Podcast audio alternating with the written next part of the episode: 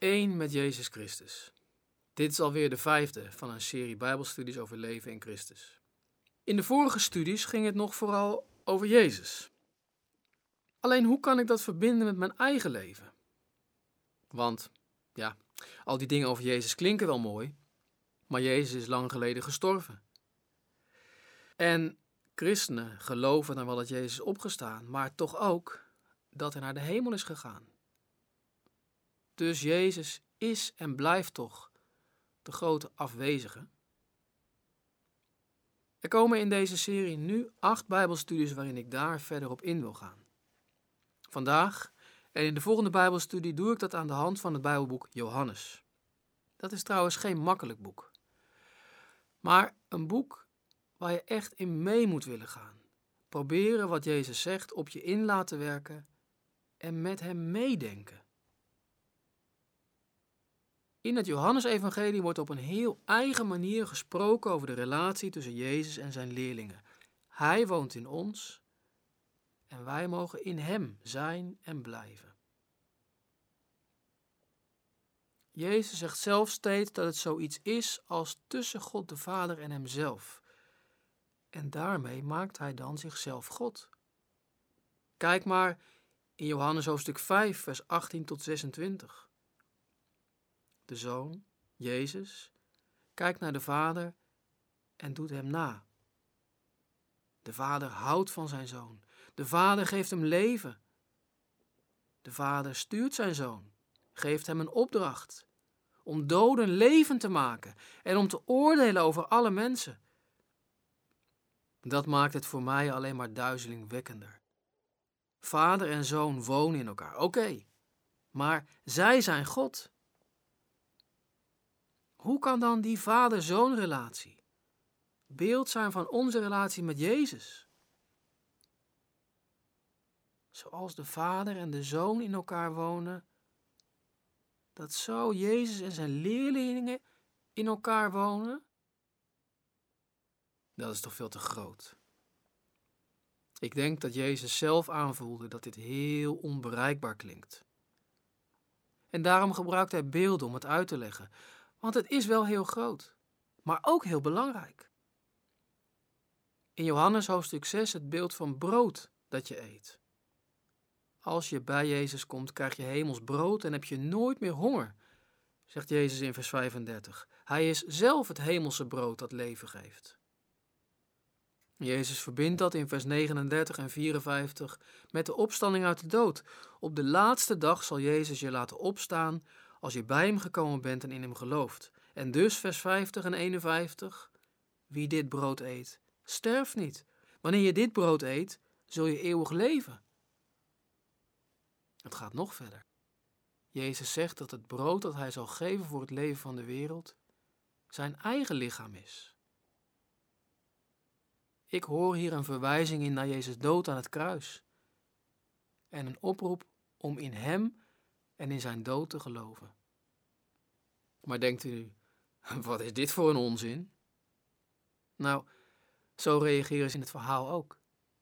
En Jezus maakt het zijn toehoorders niet makkelijk. Het lijkt wel een oproep tot cannibalisme.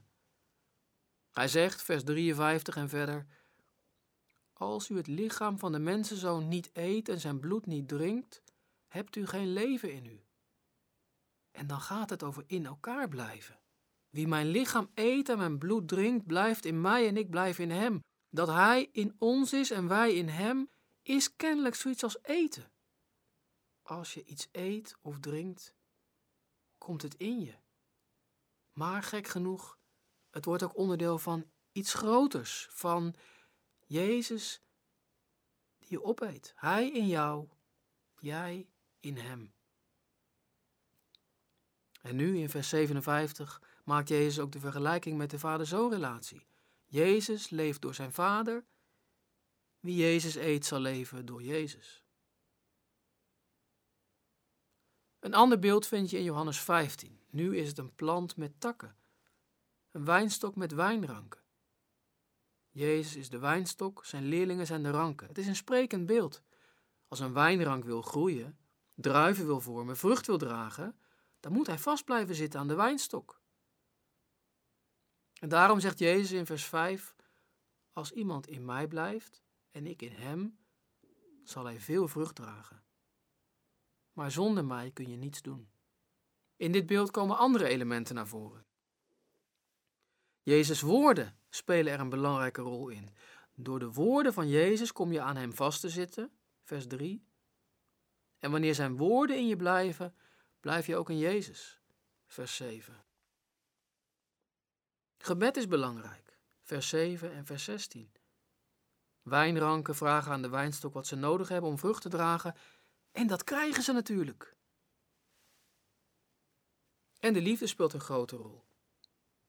De levenssappen die door de wijnstok stromen, die leiden tot vrucht, dat is de stroom van de liefde. Je blijft in Christus als je in zijn liefde blijft. Als je zijn liefde ontvangt en weer door wilt geven. Het is een groot geheim dat Hij in ons zijn leerlingen woont en wij de gelovigen in Hem. Hoe moet je je daar iets bij voorstellen? Met al die verschillende beelden helpt Jezus je om er iets bij voor te stellen. Het is zoals eten. Jezus eten als het hemelse brood.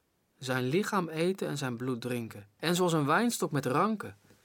Takken die vast moeten blijven zitten aan de wijnstok als ze tenminste willen blijven leven en vruchten willen vormen. Wanneer je die beelden naast elkaar zet en overweegt, ontstaat er bij mij wel een beeld. We hebben het over iets wonderlijk groots. Een goddelijk geheim. Ik kon er nu niet, dat nu niet zo naar voren halen, maar Johannes laat zien dat de Vader, de Zoon en de Heilige Geest alle drie actief zijn in die eenheid met Jezus Christus. Zonder Gods activiteit is er geen eenheid met Christus. God leeft eeuwig en Jezus is opgestaan uit de dood. En de grenzen van een aards leven 2000 jaar geleden, dat afsluit met hemelvaart, zeggen niet alles meer. Ook nu kun je verbonden zijn met de levende Jezus Christus. Deze eenheid ontstaat in de ontmoeting met Jezus zelf, naar Hem toegaan. En dat kan ook via Zijn woorden, door Hem aangesproken worden, tot geloof komen, opnieuw geboren worden door de Heilige Geest. Ook zo'n wonder. En ontdekken, ik ben één geworden met Jezus. Ik zit aan Hem vast, op een of andere manier. Hij woont in mij, ik woon in Hem. Zoekt u die eenheid met Jezus? Je kunt iets doen. Jezus zoeken in zijn woorden. Je kunt Jezus vinden in de verhalen over Hem. In de Bijbel. Daar groeit de eenheid met Hem. En die eenheid met Jezus gaat niet alleen maar over Hem als persoon. Het gaat ook over wat Hij doet. Je leeft doordat Hij voor je sterft aan het kruis. Daar ging het vorige keer al over. En je leeft omdat Hij straks alle mensen die bij Hem horen uit het graf weer levend zal maken. Aan het eind van de tijd gaat je graf weer open als je bij Jezus hoort. En als je dan met Hem vergroeid bent, dan roept Jezus je op: blijf nu ook in mij. God doet daar dingen voor. En wij kunnen daar ook concrete dingen voor doen.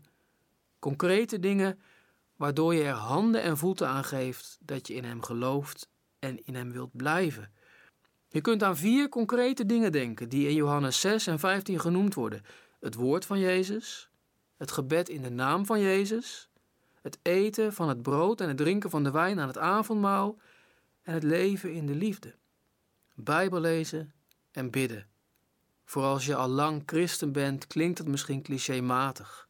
Maar het beeld van de wijnstok geeft er een mooie inkleuring aan. Door zijn woord legt Jezus contact met ons. Het komt ook in Johannes 10 naar voren. De stem van de goede herder die de schapen roept. Jezus spreekt ons aan. En dus kunt u het woord van Jezus, lees de Bijbel, luister naar preken. U kunt het woord van Jezus gebruiken om, om Hem verbinding te laten leggen. En laat Zijn woorden in je blijven, doordat je ze in je hart bewaart en blijft overwegen. Als Jezus woorden dicht bij je blijven, is Jezus zelf ook dichtbij. Hij komt mee in zijn woord. En gebed. Gebed bijvoorbeeld om de Heilige Geest die de verbinding legt. Gebed om levenssappen die je nodig hebt om vrucht te dragen. Alles wat je nodig hebt om te groeien en vrucht te dragen mag je vragen. In het vertrouwen dat de wijnstok aan de ranken alles geeft wat ze nodig hebben. Jezus verbindt in Johannes 15 prachtige beloften aan het gebed. maar ook de viering van het avondmaal. Als je wilt weten wat het betekent dat Jezus het levende brood is, Johannes 6, vier dan vaak het avondmaal. Dit is een interactief rollenspel, waardoor Jezus weer op een andere manier bij ons binnenkomt dan via woorden. Brood eten, wijn drinken, het herkauwen, het overwegen en tenslotte de liefde. In de liefde blijven, Jezus van je laten houden en genieten van zijn liefde. Het is de liefde van de Vader die Jezus aan ons doorgeeft. In de liefde blijven. Die liefde moet blijven stromen. Zoals Jezus het van de Vader aan ons doorgeeft, zo mogen wij Jezus liefde weer doorgeven aan onze broers en zussen, aan onze naasten. Het geheim van die eenheid met Jezus is per slot van rekening de liefde. Liefde die weer moet gaan stromen zoals God het vanaf het begin wilde. Eerst liefde ontvangen, maar dan geven. Ontvangen meer dan genoeg om door te geven.